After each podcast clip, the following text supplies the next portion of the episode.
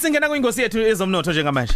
Singena kuzona ke ezomnotho naye ke ugugu lethu Xaba uyazi ukuthi njalo ngolwesibili ngalesikhathi siba naye ke unonkosi Shabada sikubingelele sikwamukele. Ngiyabingelela kakhulu noNcebo uZiyane uAyanda noNjinji nabalo bokhozi kusivasisene. Nonkosi. Baba. Eh nonkosi namhlanje sikhuluma ngendaba eh yokulethwa abesifazane kuwona umnotho umahluka bawenzayo kuwona um, kuwona umnotho. Sithema siyikhuluma lento ngathi mina kuAyanda awu uyazi isikhathi esiningi ke kubhekwe ukuthi eh indawo la khona khona umuntu osifazane mhlawumbe asibheka nje emsebenzini kuthiwa kulindele ukuthi hayike sazoba at least nje umuntu osifazane sokwazi ukuthi sixoxe naneyinkinga zethu.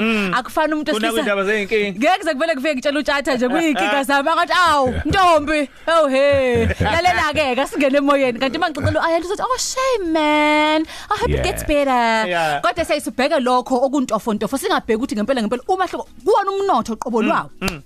nonkosi Kunjalo noNcebo njoba usushilo mhlawumbe asithi nje ngeviki edlule besibuka lezi zezolimo zasemadolobheni eyibaleke kakhulu eh ngenxa yokuthi ngicabanga ukuthi sizothi ukuthinta nazo ukuthi abesifazane bangena kakhulu kuzona. Eh kakhulukazi ukulima nokwenza izinto eziba emangalisayo emadolobheni noseku noseku YouTube ke lisha abantu abangena eh kukhona.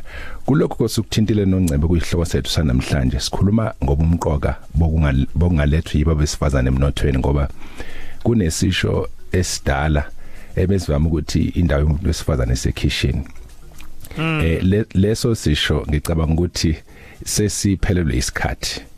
Eh kakhulukazi uma ubuka indlela ezi- ezihanjwayo kulesi sikhathi ne nentuthuko ekhona nevelayo emhlabeni emele ukuthi eh kungabi kuphela besilisa babamba iqhaza kodwa kuba abantu besifazane abazibandakanyayo kakhulu ekuthenini babe ingxenye yokuthuthukisa umnotho hayi kuphela eindaweni futhi kulezi abajwayelwe ukuthi baziwe ngazi ukuthi bavama ukungena kuphela eh eh, eintweni ezithamba thambile ngezomnotho kodwa bangene bathi shingisho kuyizimo zomnotho ezinkulu. Kungase kuba mhlambe kuyipolitiki ngokujwayelekile kube ibona futhi abazohola ngoba uzokhumbula noNcebe ukuthi abantu besifazane baningi ukudlula abantu besilisa. Hayi kuphela la eningizimu Afrika kuphela nasemhlabeni wonke jikelele. Kodwa babonakala bebambe iqhaza lincane kakhulu kunabesilisa okuyibona bayingcosanyana. Eh ukuba ingcosana akusho ukuthi bancane kakhulu besilisa ngathi nje ngokwama percent u51 to 49 eh uzwa abanye abantu sebethi eh, umuntu wesilisa kwabesifazane is 1 is to 7 or 1 is to 9 abanye basuke sebeyijayela ukuyithathela ithembu bazama uk- ukuqoqa abantu besifazane si- sivumelekile isithembu ngazenzela nje hayi kodwa bese ulethe statistics esi wrong ukuthi it's 1 is to 7 so baningi abantu besifazane and ingakho uma ubona umqulu othwele imigomo yokuthuthukiswa kwezimo zenhlalo yabantu sustainable development goals eh unumber 17 noma number 5 walawo ma goals awu 17 uyakhuluma kakhulu ngokuthi abantu besifazane abanikezwe ithuba nabantu abesifazane abancane aba- abadala nabancane bangene bazibanda kanye kakhulu ekwakhiweni komnotho wamazwe omhlaba nakhona la eNingizimu Afrika. Mhlawumbe u- uma sibheka la eningizimu Afrika em nonkosi uma sibheka ngokwama occupational levels ngoba ke kukhishwe la izibalo eh zikhishwa eh, ibona ke ab- abenza izibalo ezi- ezi- eziphatheni ezihlukahlukene statistics SA bekhipha beveza ukuthi ngabe kumi kanjani eh, uma sibheka abantu besifazane emazingeni ahlukahlukene eh, emsebenzini? Noncabe ikhomishana leyo suyibalulile ikubeka ngokusobala ukuthi usemkhulu futhi usemningi umsebenzi okufanele ukuthi wenzeke ukuthuthukisa nokunyusa isibalo sabantu besifazane ngokuhlukahlukana kwezigaba zokuphatha eindaweni zemsebenzi kwi top management sithola ukuthi cishe u22.9 23% abantu abaphetha besifazane. Eh kusho ukuthi i- lo- lokho kunye okusele kusho ukuthi kwaba yi- i- eshumini kwababili abesifazane. Bese kuthi kwi senior management ngokucacisa ngale commission ok- iya- i- i- i- okhulume ngayo u38% aba u4 kwabalishumi abesifazane.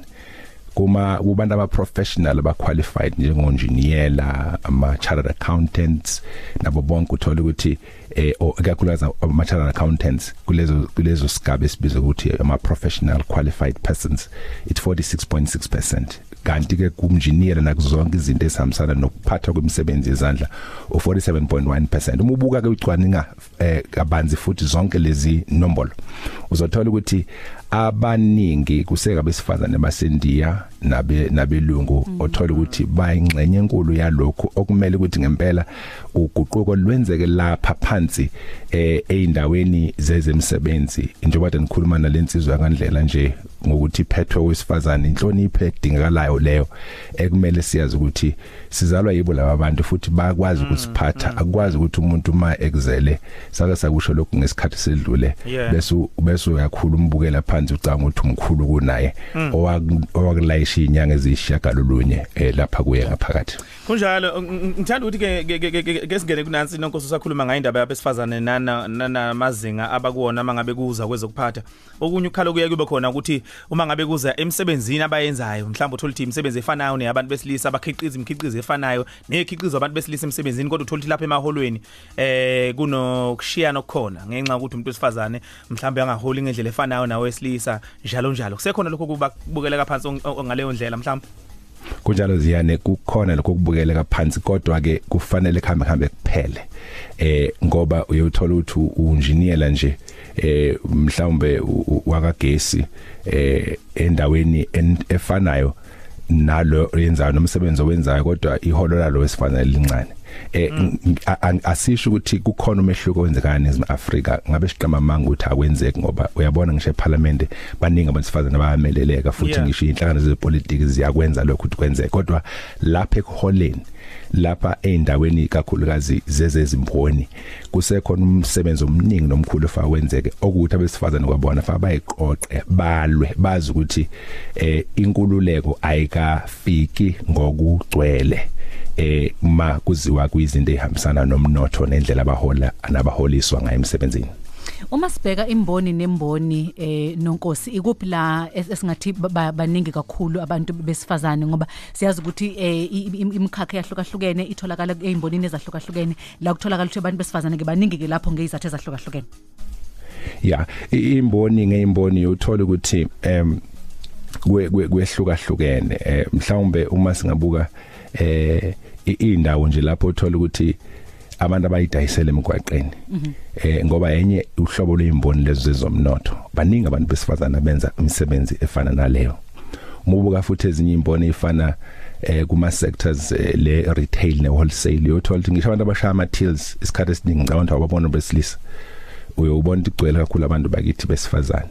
Eh kanti muzobuka izimboni ehambisana nobunjiniyela eh neze science eh njalo njalo uzothola ukuthi base bancane abantu besifazane bayabandakanya nalo umsebenzi uma nje khona isibonelo somuntu wesifazane eh esimbonile lapha wasentuzuma eh okuthiwa oqala ukuthi abe i i fighter pilot mm. eAfrika yonke jikelele usemncane mm. kakhulu mm. eh uyabona ukuthi uye yedwa eh njoba kuthiwa ngokuqala nje kusho ukuthi ababaningi kufanele bangena abantu kwi aeronautics kwi Yeah. space soku sokulokhuza sokuyibandakanya nalokho lentokazi ngicabanga ukuthi bathi umandisa nomcebo mfeka walapha entuzuma eh izinto lezi kufanele siyibone ke ikhuthazeka abantu besifanele bengena kuzona Hmm.